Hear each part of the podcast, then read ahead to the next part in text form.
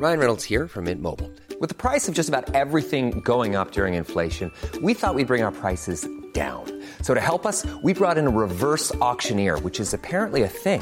Mint Mobile unlimited premium wireless. Ready to get 30, 30, bit to get 30, bit to get 20, 20, 20, bit to get 20, 20, bit to get 15, 15, 15, 15 just 15 bucks a month. So, Give it a try at mintmobile.com slash switch. $45 upfront for three months plus taxes and fees. Promo for new customers for limited time. Unlimited more than 40 gigabytes per month. Slows. Full terms at mintmobile.com.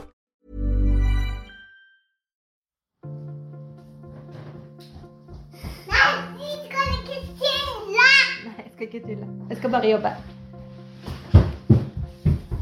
Nå har jo dette vart i litt over to uker, og det har føltes eh, veldig kjipt. Altså, jeg har jo følt meg veldig utilstrekkelig.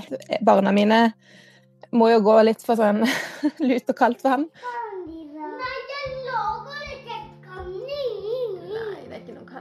Jeg er er et følelsesmenneske. Jeg, jeg gråter vel nesten hver dag. Jeg Og er veldig sliten. Blir sint på barna. Prøver å huske på å puste med magen, telle til ti. Jeg, er jo ikke den mammaen jeg ønsker å være. Det må jeg jo kunne si.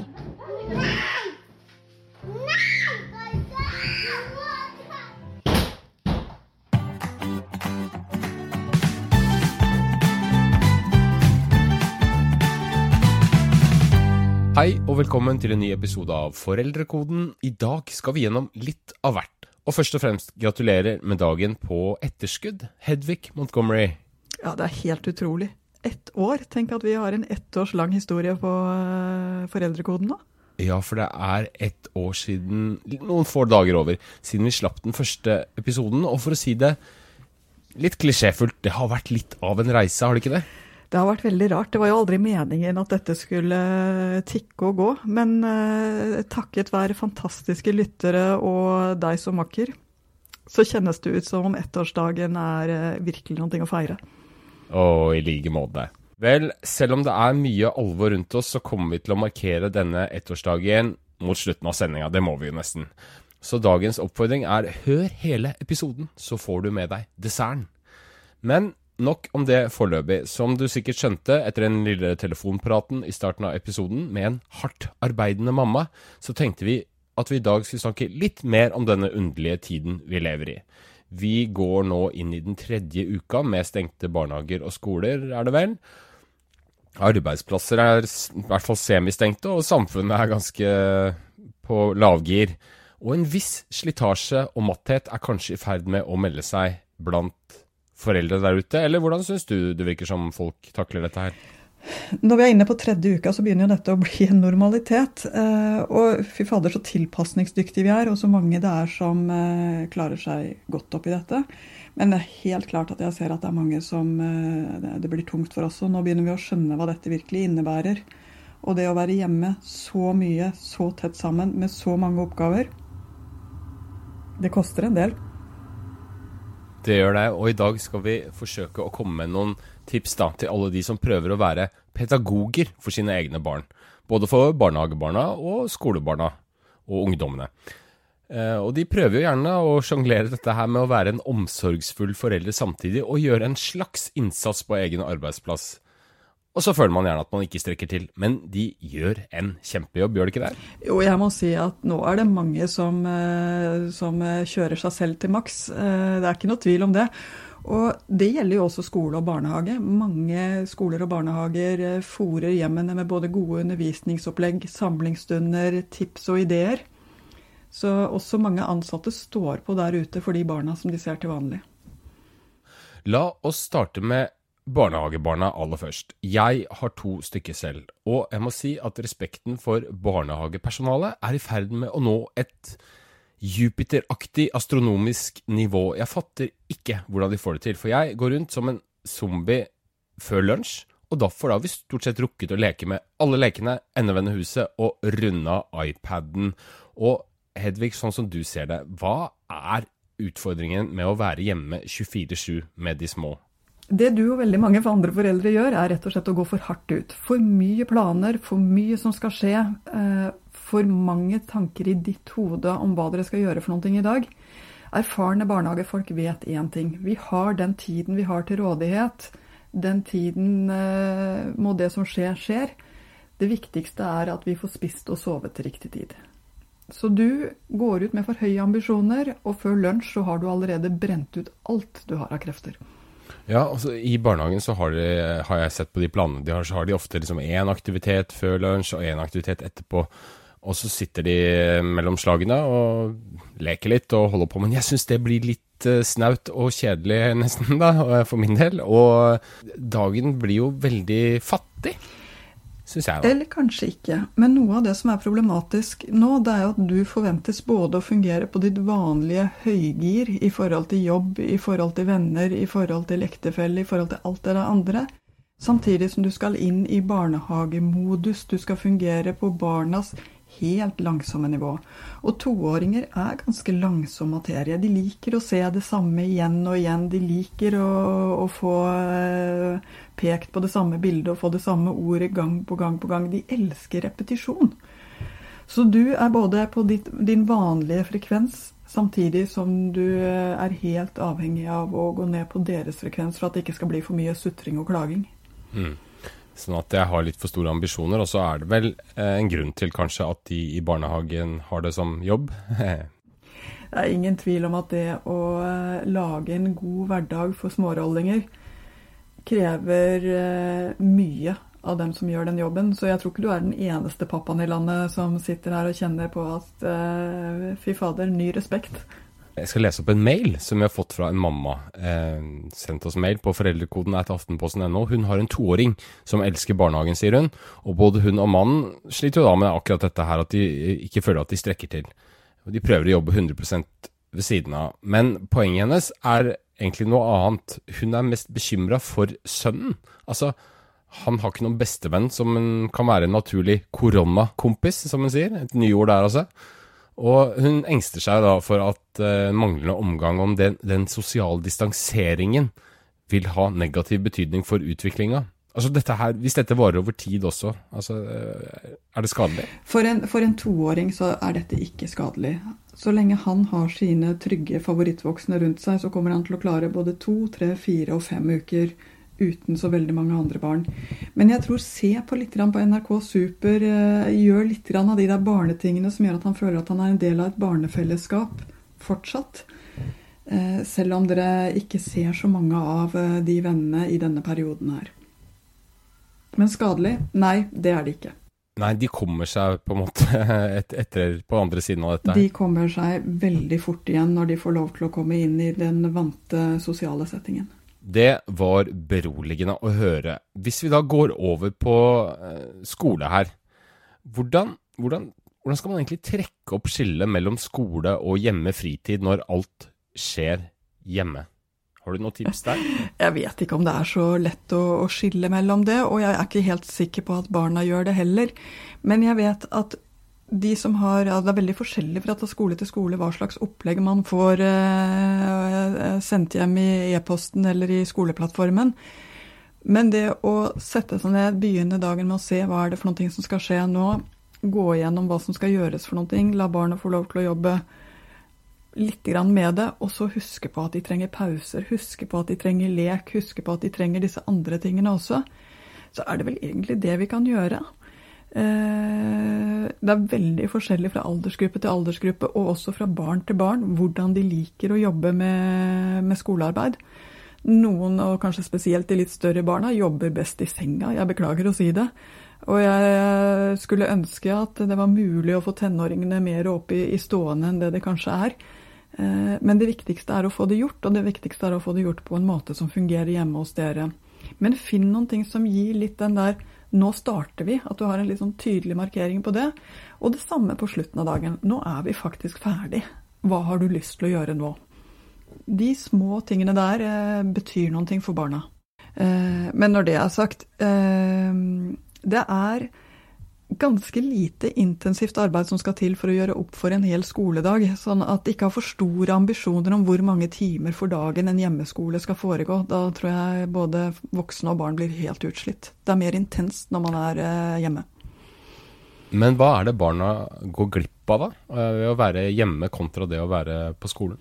I første rekke så er det jo den eh, sosiale kontakten både med andre voksne og med andre, ba andre barn. Og det tror jeg veldig mange av dem kjenner på, at det er ensomt og rart eh, å ikke ha den nære kontakten, og kanskje spesielt med dem som ikke er dem du har nærmest kontakt med, fordi de vil du nok fortsatt eh, chatte en del med og ha en del kontakt med, men alle de i den der ringen utenfor, kanskje den du er forelska i, finnes i den ringen utenfor som det ikke er naturlig å drive og chatte med. Da er vi i gang, liksom. Da kjenner de tungt på det. Så de går glipp av hele det sosiale, og det er ganske mye. Det andre de går glipp av, det er jo den der læreren som dytter i riktig retning på en måte som bare en lærer kan gjøre. For uansett hvor gjerne du vil gjøre dette fantastisk som forelder, så er du både forelder og pedagog samtidig, og de to rollene lar seg nesten ikke kombinere. Fordi barna liker så dårlig å ta imot korreksjon fra sine egne foreldre. Så hvordan skal man forsøke å innrette seg da, hvis man likevel da eh, må, eh, og det må man jo, eh, være, eller innta begge disse rollene, som, som, lærer og som forelder? Det ene du skal huske på, det er at her må du få til det som er mulig. Mange foreldre går i den fella at de vil for mye på barnas vegne. Læring er veldig langsomt. Det er mye repetisjoner, det er mye å gjøre feil for så å gjøre det en gang til. Det å beholde tålmodigheten med eget barn er kanskje det som gjør at lærerne er mest gull, fordi det er lettere å være tålmodig med andres barn enn med egne barn. Så det er faktisk det første å huske på. Den tålmodigheten. Tenk på at det ikke er du som skal gjøre dette arbeidet, men ditt barn, og at hun ikke har lært seg dette ennå. Så det kommer til å ta tid. Det er noe av det første å huske på. Eh, det andre å huske på, det er at det viktigste med skolearbeidet nå, det er faktisk at det lager en rytme og en organisering på dagen, og at det gir en følelse av normalitet og tilhørighet til skolen fortsatt. Det er viktigere enn det som faktisk blir lært akkurat nå, for nå handler det om å komme gjennom de ukene vi skal igjennom. Men så er det noen som ikke helt klarer å slå seg til ro med dette. Som f.eks. Kjersti, som er bosatt i Bergen. Og nå vil jeg be deg om å leve deg inn i hennes situasjon. For tenk deg at du underviser fire videregående klasser og er kontaktlærer, og at du vet at elevene er inne i en viktig fase i skolegangen, som kanskje skal legge grunnlaget for framtida. Tenk deg også at du har en mann som jobber i turnus i helsevesenet, en såkalt samfunnskritisk jobb, og at du parallelt må passe barna stort sett hele tiden. Barna mine er snart to og et halvt og fire, eh, så de er eh, ikke så veldig selvgående. Spesielt ikke den toåringen. Så det blir mye sånn eh, sitte i fanget til mamma mens mamma snakker med elever. Se på Peppa Gris på mammas telefon mens, mens jeg sitter og underviser da, via PC. Jeg skal ikke tulle! Nei, jeg skal ikke tulle. Jeg skal bare jobbe. Altså, jeg har jo følt meg veldig utilstrekkelig i begge, begge steder, da. Barna mine må jo gå litt for sånn lut og kaldt vann.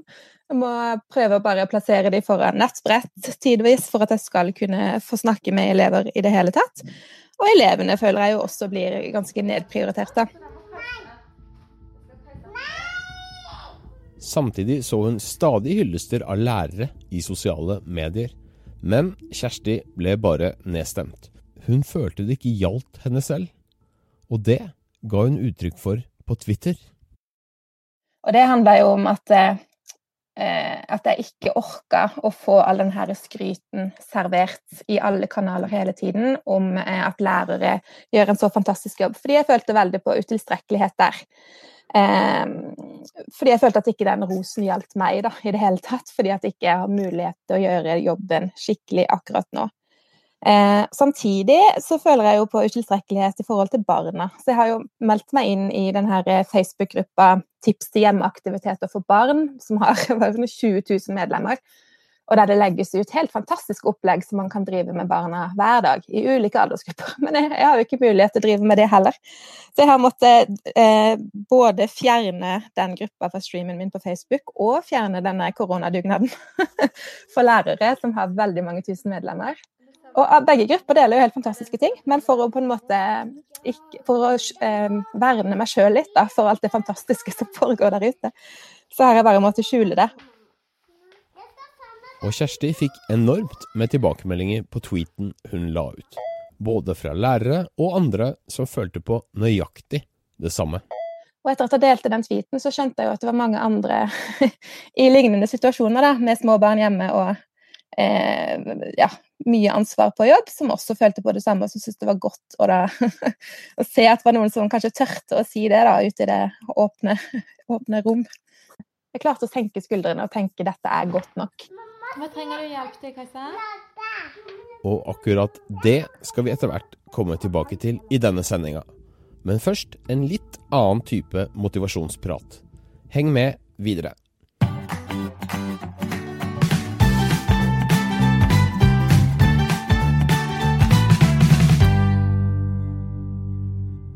Og så var det en annen mamma som sendte oss eh, en mail eh, som har en datter på ti år, og som skriver at hun har merket seg spesielt nå med hjemmeskolen at datteren rett og slett ikke er spesielt motivert for lekser og læring generelt. At hun er litt sløv og likegyldig. Og så lurer hun fælt på er det noe hun kan gjøre for å øve opp det hun kaller den indre motivasjonen. Eh, fordi at det sklir litt ut, eh, syns hun da. Ja. Eh, jeg tror det er veldig mange foreldre med tiåringer som opplever akkurat det samme som denne mammaen. Fordi i denne litt prepubertale alderen hvor så, så, så går de inn i en slags De samler litt opp kreftene sine, og læringen handler så mye om å kjenne at det er ting som får dem til å høre sammen med de andre, at det er ting som er viktig for de andre. Altså de leter etter den der Hvor passer dette inn i mitt liv og min identitet? Og det gjør at barn i denne alderen ofte Hvis de ikke ser poenget med det, så ser de virkelig ikke poenget med det. Og da gjør de det jo ikke heller. Um, det er en liten trøst her, og det er at de stort sett får en lite oppsving i 11-årsalderen. Uh, så det kommer bedre tider, vil jeg jo hilse til denne mammaen. Det andre er at hun spør hvordan kan jeg motivere. Og det er faktisk et godt spørsmål. Og for å ta en liten omvei der, altså hva er det egentlig motivasjon er? Jeg tenker at uh, motivasjon består av tre deler, og alle de tre delene må spille sammen for at vi skal få uh, barn og unge, og for den delen voksne, som har lyst til å gjøre noe. Og det første, det er mestring. Det må kjennes ut som om det jeg gjør, er noe jeg kan få til. At det ikke er så lett at det er meningsløst, at det ikke er så vanskelig at det er umulig, men at det er på et nivå hvor det er nyttig for meg å gjøre det. Så det å se, eller rett og slett ta en titt på denne oppgave, disse oppgavesettene, er de på riktig nivå? Er de ålreite for mitt barn? Det er én bit av det å ha motivasjon. Den andre biten det er tilhørighet, og det handler om å kjenne at læring er noe vi gjør. Dette er en del av det som er et oss. Det mister barna litt når de ikke går på skolen nå.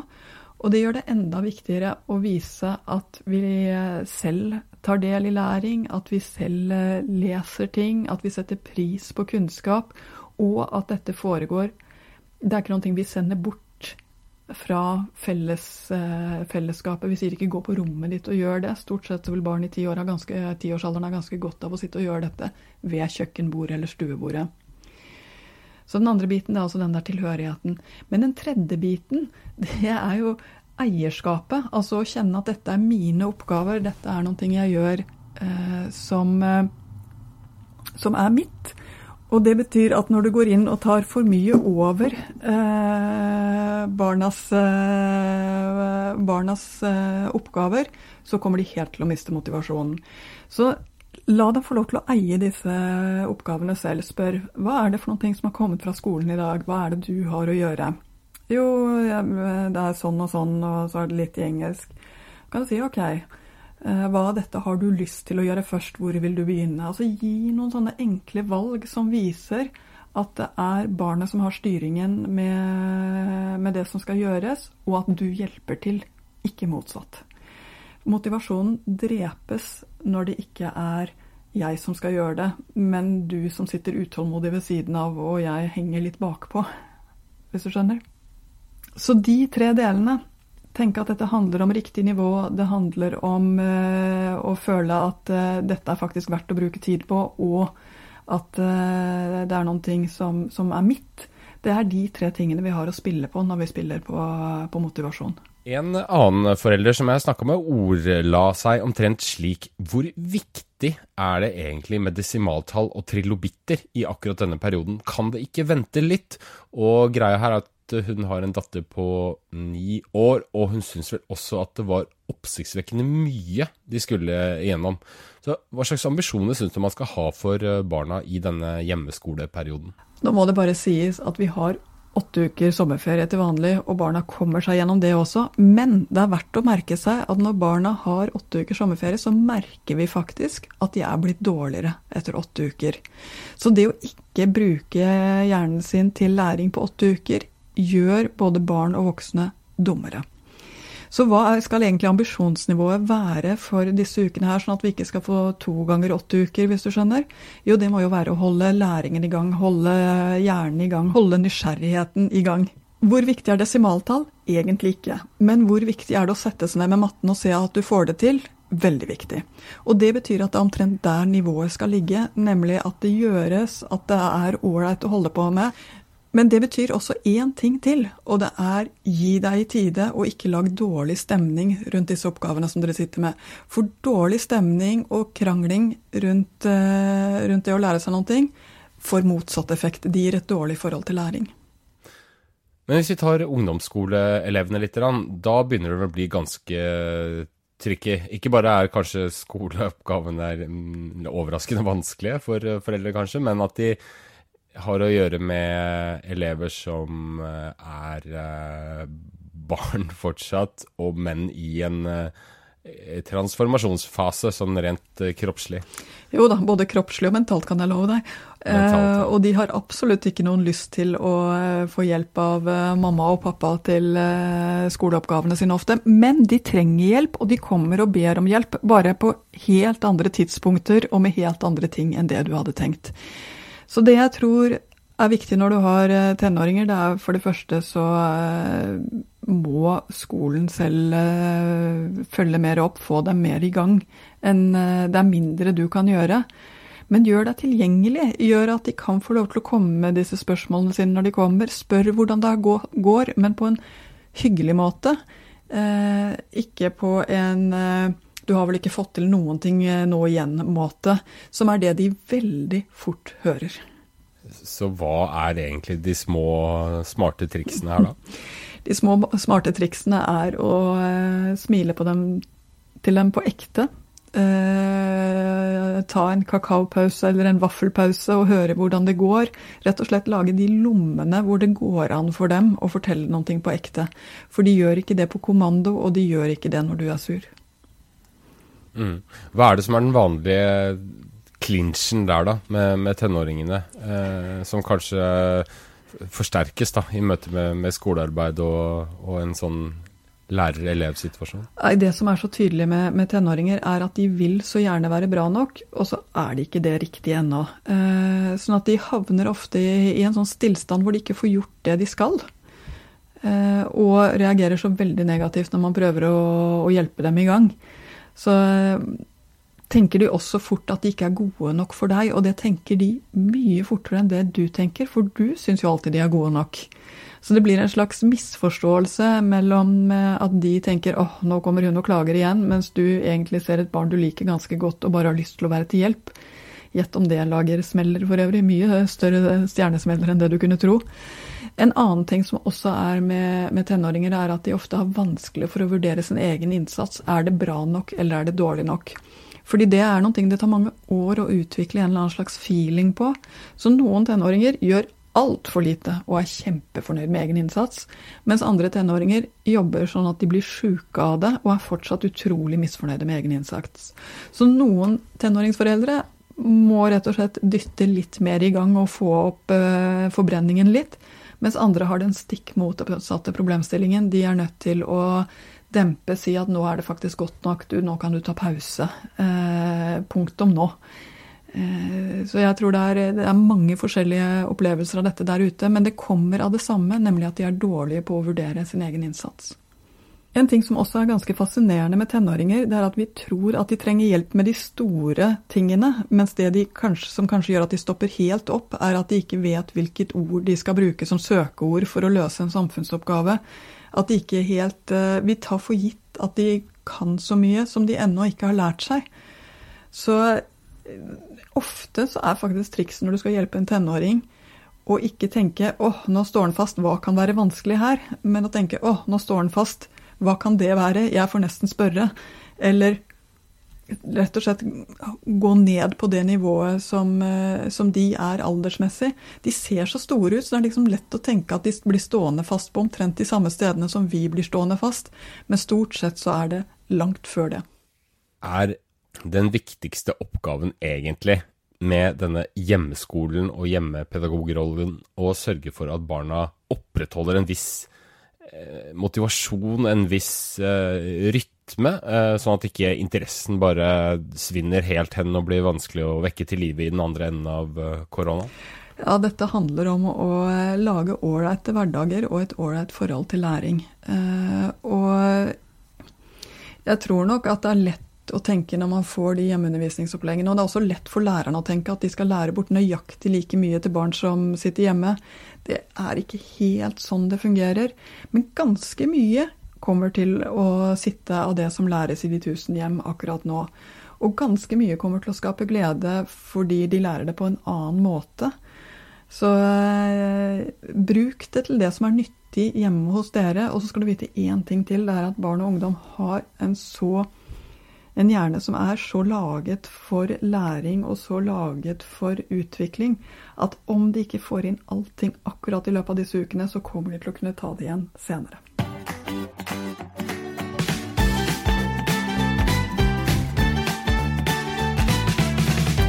Ja, egentlig hadde vi jo planer om en uh, fin påsketurepisode denne mandagen, men av naturlige årsaker så droppa vi jo den. Det er jo rett og slett ingen tror vi, som skal til fjells på hyttene sine. I hvert fall ikke hvis de vil oppføre seg som lovlydige borgere. Men Hedvig, påsken skal jo avvikles. Og hvordan syns du man skal forberede seg for denne, for de fleste nokså annerledes høytida vi har foran oss? Det blir rett og slett hjemmepåske. Ja da, og jeg tror det er eh, mange voksne som er skuffet over dette, og også veldig mange barn. Fordi påsken har så mye fint knyttet til seg. Det er så mange tradisjoner som barn ofte er ganske vare på, altså som de liker godt. Enten det er eggejakt eller det er eh, en bibelfortelling som de får hvert år. Om det er spill som spilles, eller om det er mat som spises. Det er ting i påsken som er spesielt, og som betyr noe for, eh, for så mange av oss. Så jeg tror det første det er å tenke OK, Påske blir det fortsatt. Hvilke tradisjoner er det vi skal passe på at vi får gjennomført også i år? Hva er det vi pleier å gjøre som vi nå må gjøre på en ny måte? Påske skal det bli, også på denne måten. Men hvordan skal man innrette seg og motivere til det? For som du, som du var inne på, så er det jo mye her knytta til sånn tradisjoner. Til, kanskje til sånn luktminner og smaksminner, og det gjør vi på den dagen, og det spiser vi på den dagen. Og så føler man her kanskje at man ikke har det samme å se fram til. Og det gjelder ikke nødvendigvis bare for påske, men, men hva med 17. mai? Hva med altså, disse morsomme tingene som skal skje? Absolutt. Uh, og det første er rett og slett dette Vær forberedt på at du faktisk må trøste barnet ditt. Eh, min egen tiåring ble veldig, veldig veldig lei seg da det gikk opp for ham at vi skulle være hjemme i, i påsken, og han trengte å få lov til å, å, krype inntil og bli trøstet for at det var vondt. Så tre, har du et barn som trenger trøst for dette, gi den trøsten. Si at det er for nå, si at du skjønner at det er vondt, si at det går over, si at vi gjør det av en god grunn, og det kommer til å fikse seg det er noen ting med å, å, møte barnet på den skuffelsen som faktisk kan være større enn det vi hadde sett for oss. Jeg var, ble faktisk tatt litt off guard at han skulle bli så skuffet over dette som det han ble. Så det ene er vær forberedt på å trøste. Det andre er vet du hva? Det går an å lage påskepynt hjemme. Det går an å fikse nye tradisjoner. Det går an å begynne å bygge opp forventningene litt til påske, også nå. Nå får du ikke drahjelp fra barnehage og skole, kanskje, så nå er det du som må begynne. Ja, Så er det kanskje en gyllen mulighet til å komme nærmere barna sine, for å si det litt mykt. Altså, i vanlig påskeferie så har man kanskje alle disse aktivitetene. Man stikker i alpinbakken, man lager hopprenn, og, og man kan være nære hverandre derom. Men nå må, blir man faktisk tvunget til litt sånn langsomhet og, og mer nærhet. Altså, Vi blir jo kjent med hverandre også på denne måten, og vi kan se nye og vise frem også nye sider ved oss selv, som eh, mange barn også blir glad for å se. Vi har ikke noe annet å gjøre enn å gjøre det beste av den situasjonen vi har. Det er denne.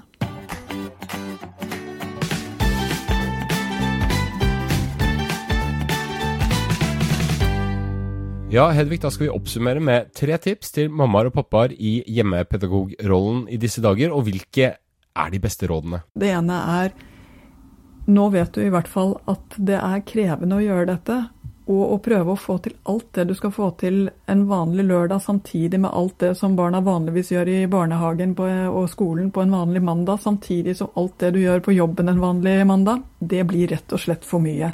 Så ned med ambisjonene og ned med tempoet. Det dere får til er fantastisk, ikke vær for ambisiøse. Det andre, det er Hjelp barnet i gang til å komme i gang med oppgavene sine hvis det er hjemmeskole, eh, men ikke ta over arbeidet. Det er han, hun eller han som skal få det til på sin måte og sitt nivå, ikke du som skal gjøre det så bra som du kan.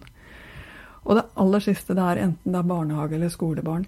Husk hvor stor og viktig del av barnehage- og skoledagen som lek, moro og kos faktisk er. Pass på å få inn leken, kosen og tryggheten også i den dagen dere har nå. Ja, og hva er det man eh, absolutt ikke bør gjøre, som man kan ha som en liten sånn reminder på sin egen skulder? Jeg tror det verste å gjøre, det er å gi barnet et dårlig forhold til gangetabellen for alltid, ved at du blir så utålmodig og sint at eh, det renner helt over for deg, for et barn som trenger å prøve og feile og prøve igjen. Så kjenner du at du blir for utålmodig og blir for sint, ta en pause i uh, hverdagen. Da skal vi ha denne sendingas lille høydepunkt. Vi utlyste i vår Facebook-gruppe bidrag fra sanglystne barn, og vi ba foreldrene spille inn første vers av Hurra for deg som fyller ditt år. Og det er ikke for å bejuble foreldrekoden, nei, det er vår hyllest og hilsen til alle barna og voksne som ikke får anledning til å feire bursdagen sin som vanlig denne vinteren og våren pga. denne rare situasjonen vi befinner oss i. De har også trukket ut en vinner blant disse bidragene, som blir offentliggjort i den samme Facebook-gruppa etter hvert. Og da må vi jo takke bidragsyterne, som er Signe, Herman, Victoria, Lim, Maria, Anna, Theodor, Alma, Filippa, Carl, Jenny, Philip, Tobias, April og Klara, i hvert fall. Og så, i det du skal få høre nå, er ikke alt like synkront og i takt, men who cares? Her er foreldrekoden-koret. Takk for i dag! Hurra, hurra, hurra, hurra, hurra, hurra, hurra for meg som fyller ditt år. Deg vil vi gratulere. Hei! Alle i rundt omkring deg, vi står og ser når vi vil marsjere. Hei! Boken i ikke meg, snu oss omkring. For deg må på fett og fri. Ønsker deg hjertelig alle gode ting, og si hva så hva vil du være? Gratulere.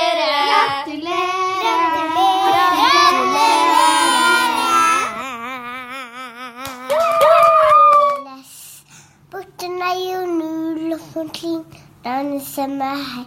Bart og bart og blind, danse hei. Hopp og bart og blind, danse med hei. Hopp og blæsj og blind, danse med hei. Hopp og blæsj og blind. Har du litt for ofte en følelse av at du ikke rekker å få med deg mer enn overskriftene på de store nyhetssakene? Norge blir satt på en stor prøve. Og flyktninger og migranter strømmet mot grensen for å komme seg Jeg heter Andreas Bakkefoss og er programleder i Aftenpostens nyhetspodkast Forklart. Hver dag så gir vi deg innsikten du trenger for å forstå nyhetene litt bedre på bare et kvarter.